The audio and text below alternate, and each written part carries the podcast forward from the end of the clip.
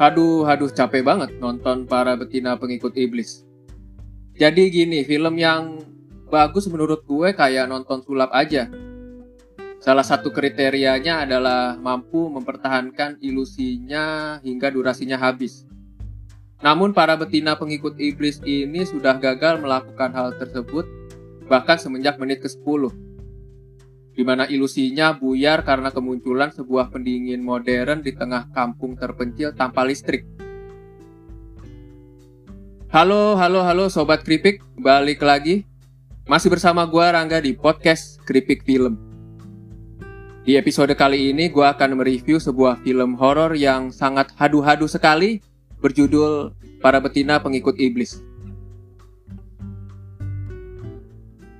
Sejak awal para betina pengikut iblis yang nggak pernah menyebutkan lokasi ataupun tahun memang bisa dibilang diuntungkan.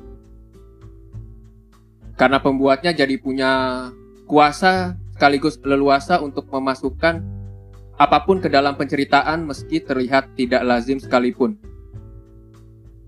Mungkin film yang diarahkan oleh Rako Prianto yang sebelumnya membuat remake Bayi Ajaib ini memang menerapkan konsep membuat film yang sembarangan. Mulai dari busana serta aksen berbahasa yang tampak bertubrukan secara kulturnya, hingga menempatkan props yang enggak sesuai zaman dan lingkungan sekitarnya, termasuk juga penggunaan sebuah freezer.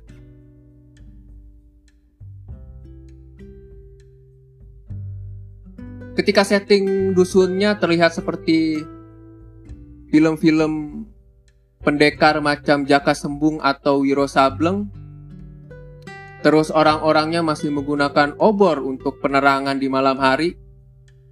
Lalu rumah-rumahnya pun terbuat dari kayu dan bambu dengan lantai masih beralaskan tanah. Wajar apabila saat melihat benda modern seperti freezer jadi ibarat gue melihat jumpscare yang sangat mengejutkan Gue bertanya-tanya dari mana datang listriknya. Sedangkan kamar saja masih bercahayakan lampu teplok. Apakah mungkin sebetulnya desa ini sudah memiliki listrik, tetapi hanya cukup untuk menyalakan satu freezer saja? Kemungkinan lainnya adalah para betina pengikut iblis bermaksud buat kasih unjuk sumber energi alternatif.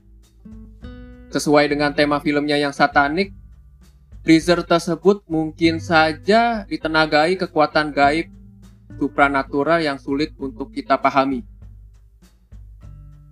Freezer ini hanya satu bagian kecil sebenarnya dari sekian banyak kejanggalan yang justru bikin makin gue acuh sama cerita filmnya.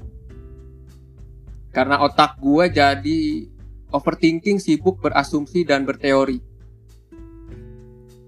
Saking anehnya para betina pengikut iblis gue sempat ber, gue sempat berpikir jangan-jangan Mawar dan Hanggi ini sedang menjalani sebuah siksaan dalam tanda kutip.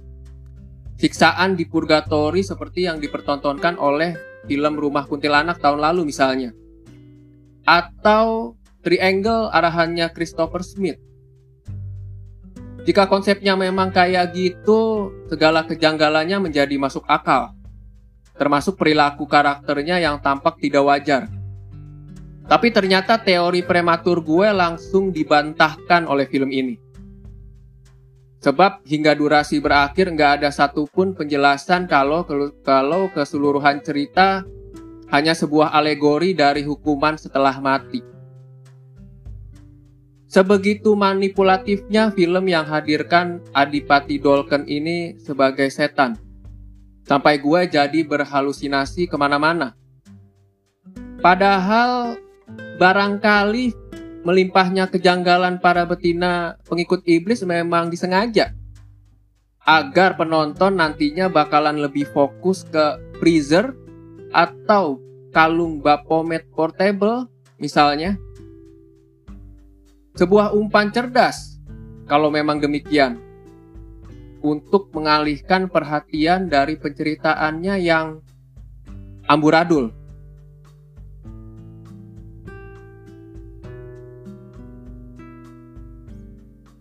Para betina pengikut iblis ternyata emang selicik karakter setan yang diperankan oleh Adipati Dolken. Menutupi busuknya logika bercerita serta motif karakter-karakternya yang dangkal dengan iring-iringan parade adegan-adegan janggal. Jadinya percuma mau sekuen sadisnya yang dilabeli 21 plus itu terus anggota tubuh buatan yang sebetulnya nggak jelek-jelek amat pada akhirnya, kelebihannya juga malah ikut terbawa-bawa masuk ke jurang yang berisi bangkai film-film horor yang gagal.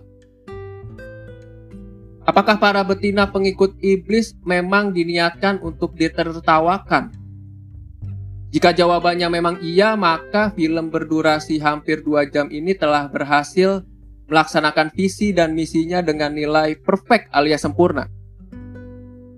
Sebaliknya, Apabila harapannya ingin dianggap sebagai film horor yang beneran serius, berarti para betina pengikut iblis ini juga sudah sukses membuat tontonan yang asal-asalannya itu berada di tingkatan brutal hingga hingga mencederai akal. Alih-alih gue terhibur, setelah nonton kepala gue justru terasa pening berkat presentasi para betina pengikut iblis yang hancur. Film kita tuh film horor terutama. Sebenarnya ide-idenya itu menarik, potensial untuk jadi tontonan yang menyeramkan, menegangkan, tapi terkadang eksekusinya itu terlihat pas kita nonton tuh ini film yang eksekusinya terburu-buru, tergesa-gesa. Padahal mungkin apabila dipersiapkan dengan matang dan nggak buru-buru dalam membuat adegan demi adegannya, mungkin bisa saja film para betina pengikut iblis juga ini jadi film yang seenggaknya menghibur lah. Tapi sayangnya enggak. Kelihatanlah film ini apa ya sangat dieksekusi dengan tergesa-gesa. Jadi maka hasil akhirnya juga kelihatan.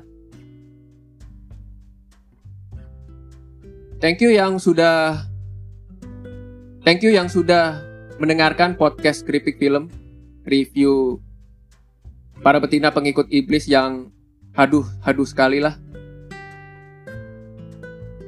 Sampai ketemu di podcast Kripik Film berikutnya di episode-episode review selanjutnya. Gua Rangga. Thank you. Ciao.